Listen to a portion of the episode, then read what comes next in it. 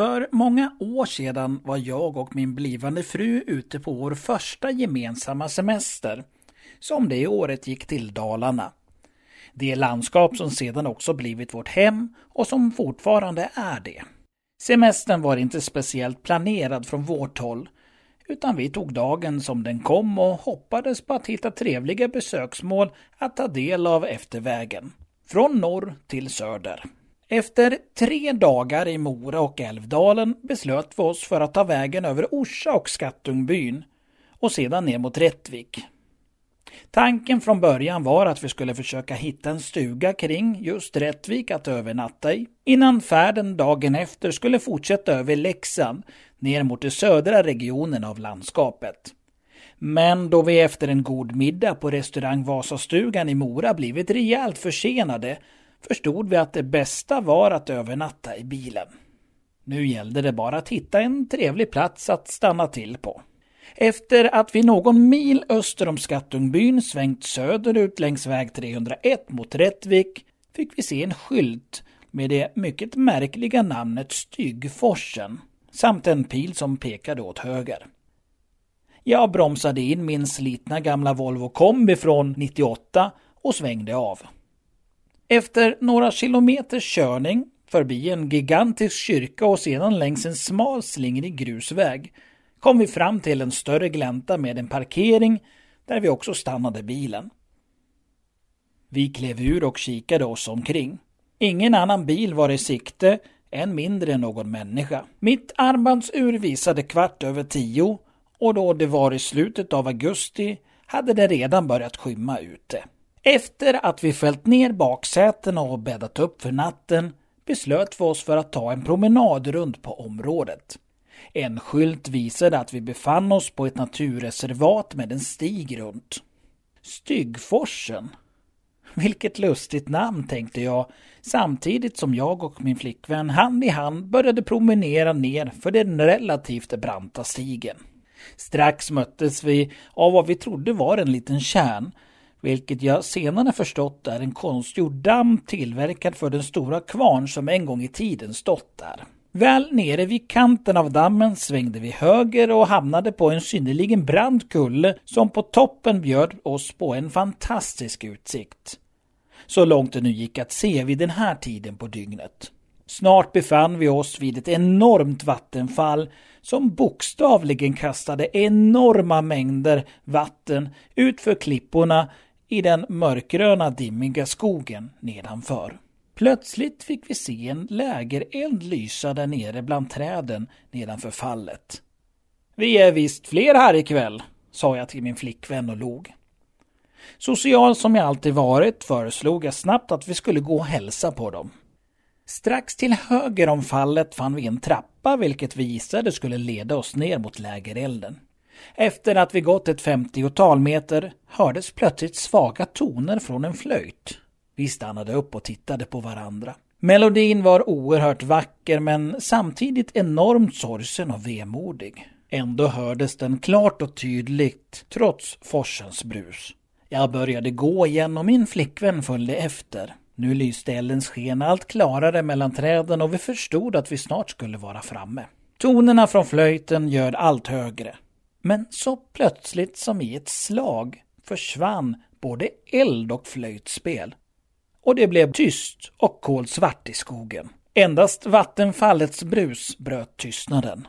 Vad i helvete, sa jag och grep tag i min flickväns arm för att försäkra mig om att hon var där. Vilket hon också var. Det här är ju galet. Vi går tillbaka, svarade hon samtidigt som hon placerade sin hand i min. Mm, var det enda jag lyckades haspla ur mig innan jag nickade mot en stig vi kommit ifrån med underton av att vi nog borde gå tillbaka samma väg. Men så plötsligt fick vi höra en flöjt spela igen. Samma melodi som tidigare, fast denna gång bara ett tjugotal meter ovanför oss, alltså från den delen av trappan vi tidigare passerat. Flöjten gick knappt att urskilja från vattenfallets stånande, men nog var det allt samma melodi vi tidigare hört. Hallå! ropade jag. Inget svar. Ingenting rörde sig där uppe. Men flöjten fortsatte att spela. Nu började det att kännas en aning olustigt och efter ett kort rådslag om vi skulle gå tillbaka upp mot fallets topp eller fortsätta runt en stig som enligt en skylt vi tidigare passerat skulle gå runt området och tillbaka till parkeringen valde vi det sistnämnda alternativet. Trots att det vid det här laget var nära på kolsvart pinnade vi ner för trapporna så fort det gick och in i skogen längs en bäck som bildades nedanför fallet och som rann bredvid en bergsrygg vi tidigare passerat fast då ovanpå kullen. Stigen gick som i en cirkel. Det var så mörkt att vi nästan missade avfarten upp mot parkeringen och istället var nära att fortsätta stigen nedåt. Väl framme vid bilen var jag så upp i varv att jag till en början inte hittade bilnyckeln utan behövde leta igenom samtliga fickor i jackan och byxorna innan jag till slut hittade det jag sökte och fumlande kunde låsa upp bilen. Precis när jag skulle sätta mig på förarsätet hörde vi det igen. Den där sorgsna melodin som tidigare spelats vid fallet. Nu, när inget vattenbrus störde flöjtens toner, lät det än skarpare och mer sorgset än förut. Och vem eller vad det nu var som spelade verkade det nu bara stå en ytterst liten bit ifrån oss efter den stig vi tidigare så hastigt promenerat. Detta blev för mycket för oss och i nästa sekund slängde vi oss in i bilen. Jag vred om nyckeln, la i ettans växel och med ett tjut svängde vi runt och upp för den grusväg vi tidigare under kvällen anlänt via. Ingen av oss sa något ord till den andra förrän vi var ute på stora vägen igen. Den natten sov vi i bilen under ett gatulyse mitt inne i Rättvik. I många år har jag och min fru funderat på vad det egentligen var som vi var med om där ute den där augustinatten vid Stygforsen. Många teorier har vi haft och lika många har vi avfärdat. Att det vi var med om verkligen hände vet vi, då vi båda två upplevde exakt samma sak. Men vad det egentligen var, ja, det får vi nog dessvärre aldrig något svar på.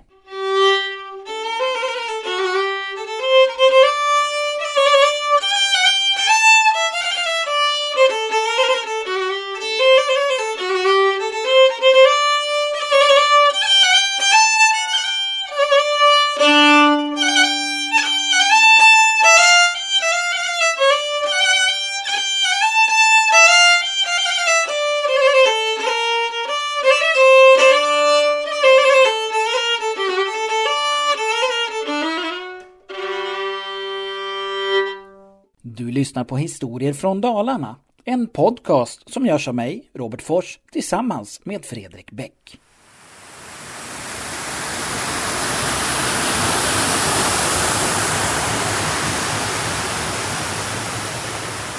Två mil norr om Rättvik, strax väster om byn Bodas förnäma kyrka, ligger Styggforsens naturreservat. Namnet Stygforsen kommer av det 35,6 meter höga vattenfall som brusande och brutalt kastar sig ut bland branta klippor och högrest granskog, vilket ger området en dramatisk och fantasieggande stämning för besökaren. Det är kanske inte så konstigt att området anses vara en av Dalarnas mest mytomspunna platser. Där frodas sägnerna likt nysådd säd på en åker och väsen lurar i vartenda hörn. Ja, bara namnet i sig, Styggforsen, lär komma från Styggmannen, vilket är ett annat namn för Hinonde själv. Och eh, kanske var det också så att djävulen en gång i tiden fattade tycke för detta hiskeliga ställe vars enda väg dit innan människans nyfikenhet förvandlade området till ett välbesökt naturreservat bar genom snåriga skogar längs krokiga stigar så att han med glädje gav det sitt namn. Eller så är det bara människors lek med ord som ligger bakom det sägenomspunna namnet Stygforsen.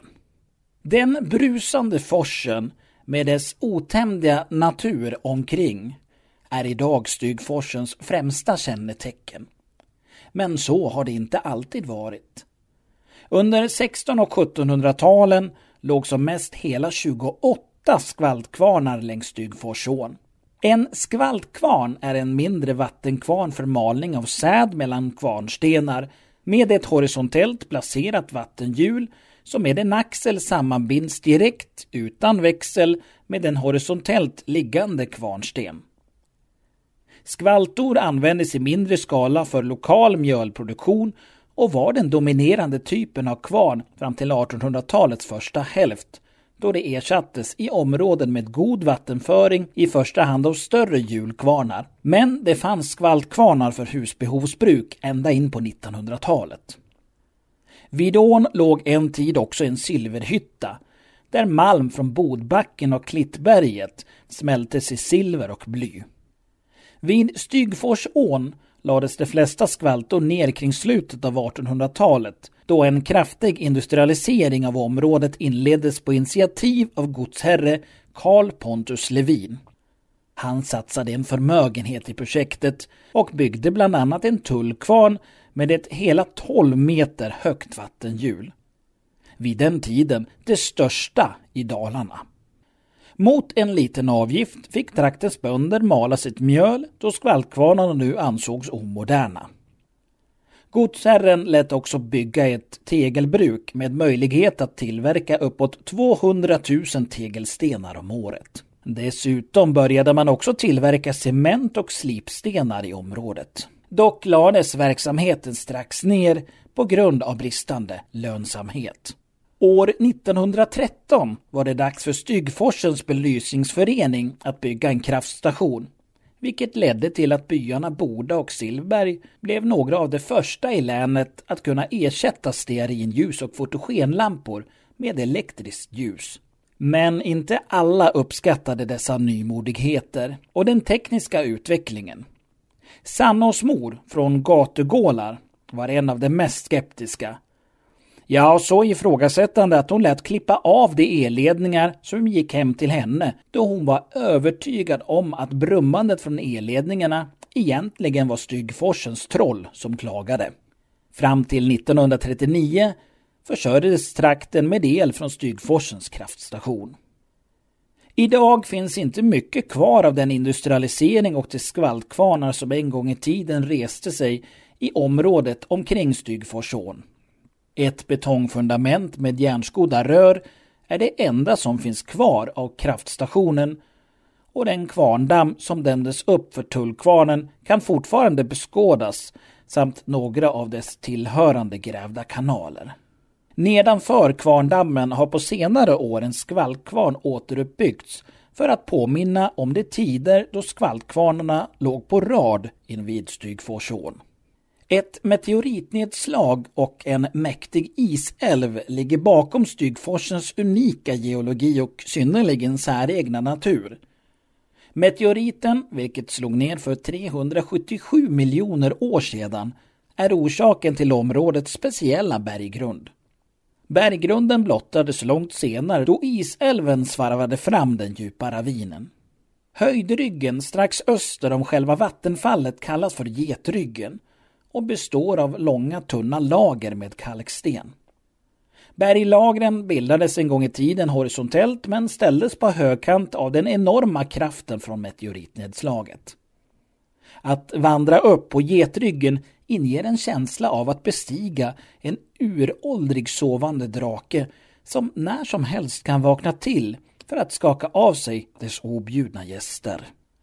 År 2012 arrangerade Sveriges geologiska undersökning för första gången tävlingen Geologiskt arv. Bland många förslag valdes tio kandidater ut.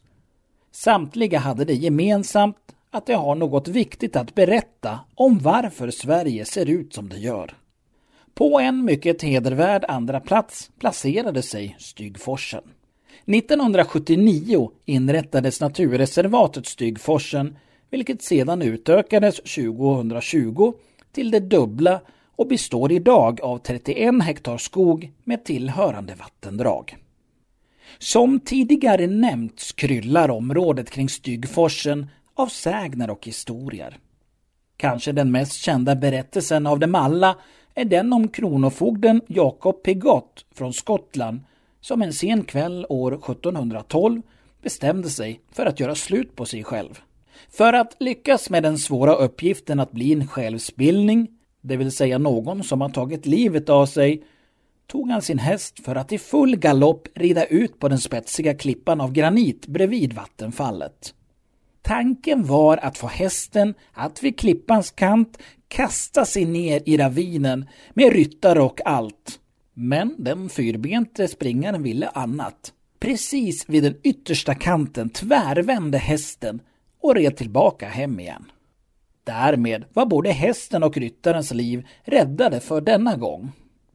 I Karl-Erik Forslunds bokserie med Dalaälven från källorna till havet och i den del han berättar om Boda och Bingsjö beskrivs det som sker på följande sätt i mycket mustiga ordalag. Men Herren som vill ej förlora någon själ gav hans hästen styrka att fast om han med våld och sporre forcerades att springa ut i avgrunden tog hästen betselstången mellan tänderna och kastade sig om på bakbenen ifrån söder till norr. Behållt betslet sprang hem till fogdens hemvist, en gård belägen ute i Köreåsen och lämnade sin våldsamma herre under människors vakt och vård. Sedan den dagen kallas den branta klippan vid vattenfallet för Fogdeklippan. Det berättas också att kronofogden aldrig fick någon ro i kroppen och tre år efter självmordsförsöket vid Styggforsen dränkte han sig i Bysjön. Varför kommer vi troligtvis aldrig få något svar på. Kanske skulle vi idag kalla det för suicidbenägen. Men trots att Jakob på grund av sin handling förvandlats till något så fruktansvärt som en självspillning fick han ändock sova sin sista vila på kyrkogården i Rättvik. Som betalning för graven gavs ur hans syster jungfru Katarina Pigotts dödsbo två stycken silverbägare till kyrkan, varav en snart göts om till en vinkanna då kyrkans tidigare, vilket var av bly, ansågs vara alltför oanständig. Det berättas också att de tre stycken gammelkullor, alltså ogifta kvinnor, beger sig ut på Fogdeklippan, eller Stigfossudden som den också kallas, kommer den att rasa. Men av det vi kan se har ingen äldre trio ännu vågat sig på att utmana ödet, då klippan fortfarande står kvar.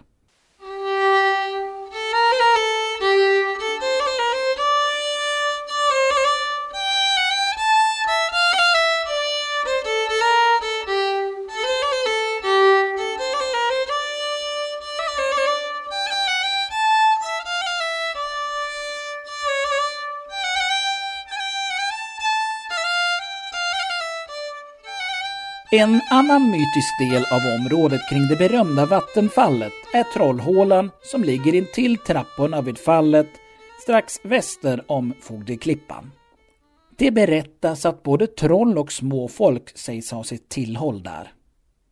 De är för det mesta fredliga och enbart nyfikna, men kan också visa en annan sida, vilket soldaten Anders Hedman en gång fick erfara då han fick för sig att försöka röka ut trollen ur grottan.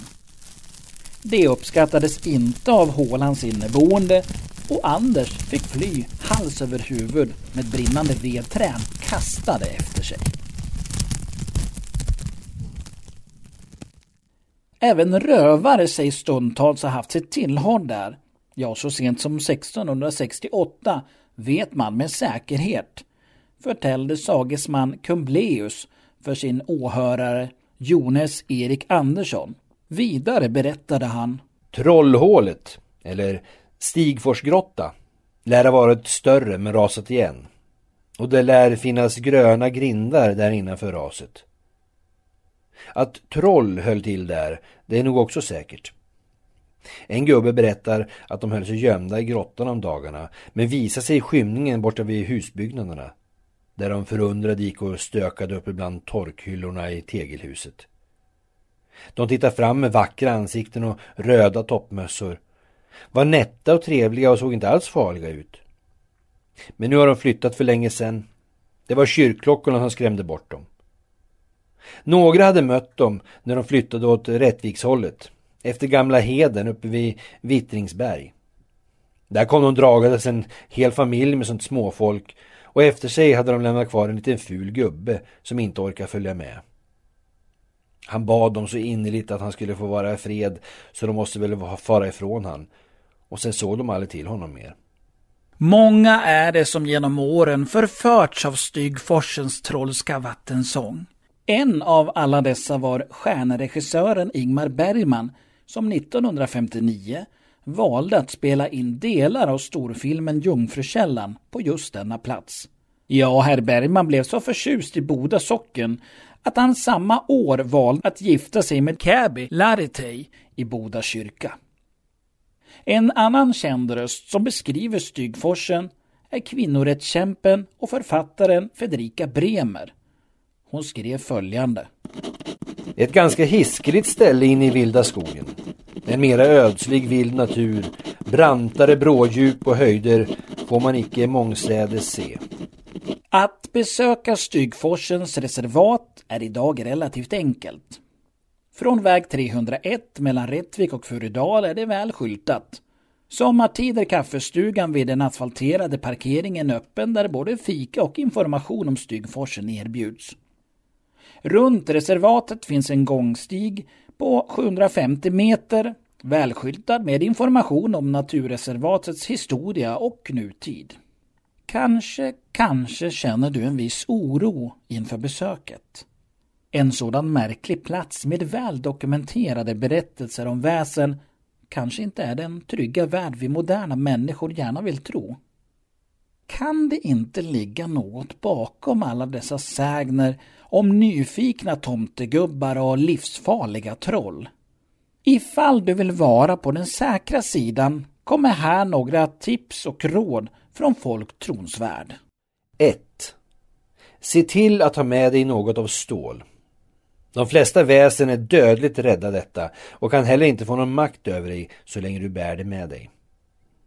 Det allra mest effektiva stålet är ångerstål. Det vill säga stål från föremål som gått sönder och som ägaren sedermera har anledning att ångra att de tillverkat. Exempel på ångerstål är avbrutna knivspetsar, nålsuddar eller liknande. Att bära bitar av ångerstål i en påse runt halsen anses vara en bra skyddsamulett.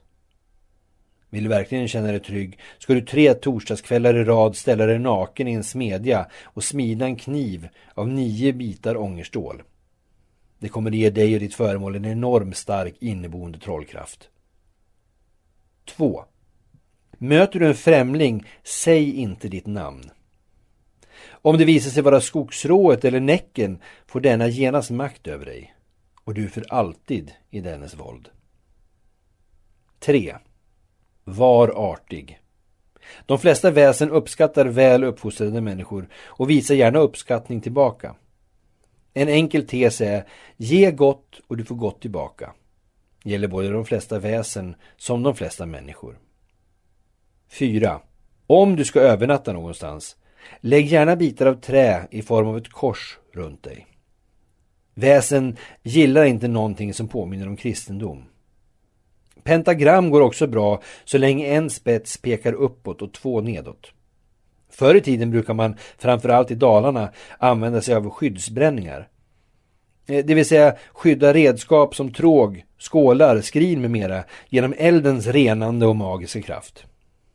Det hände också att både husväggar och fönsterluckor fick delta i dessa hedniska ritualer. Vi avslutar avsnittet med två sägner från Dalarna varav båda kretsar kring skvallkvarnar.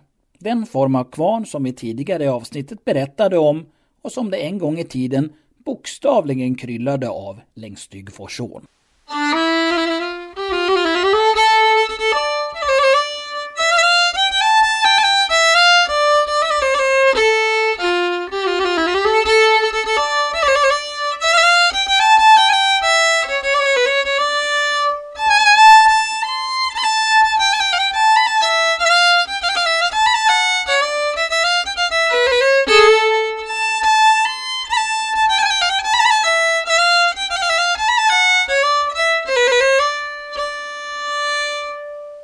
Inemot en mil nordväst om Järna kyrka låg för en skvaltkvarn.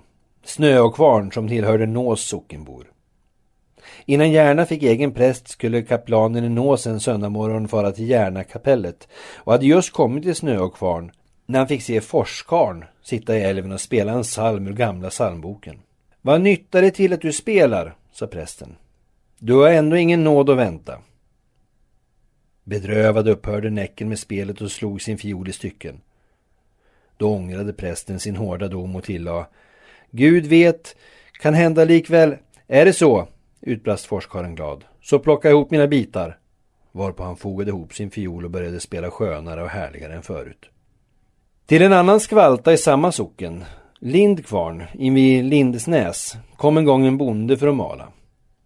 Fram på natten skulle han gå och se om sin mäld och märkte då att kvarnen stannat. När han öppnade luckan till julhuset för att se efter vad som hindrade hjulets gång varse blev han nere i forsen två ögon, stora som halvmånar som glodde på honom. Skam vad du har stora ögon! utropade bonden. Men inget svar följde. Skam vad du har stora ögon! upprepade han men fick inte heller nu något svar. Då sprang han in i kvarnkammaren, glödgade en stör i brasan och kom ut med den i kvarnen. Har du lika stora ögon än? ropade han genom luckan. Ja, svarade ner från forsen. Du har lyssnat på Historier från Dalarna, en podcast som görs av mig, Robert Fors, tillsammans med Fredrik Bäck.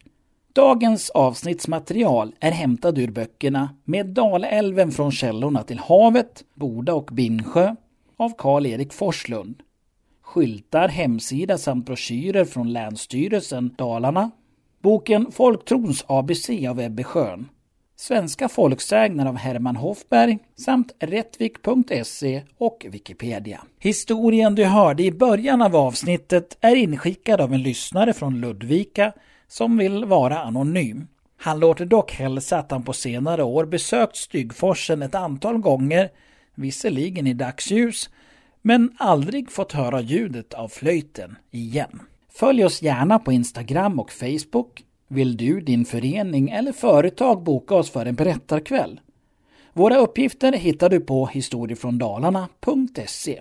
Historier från Dalarna har också en systerpodd vid namn Historier från Hälsingland.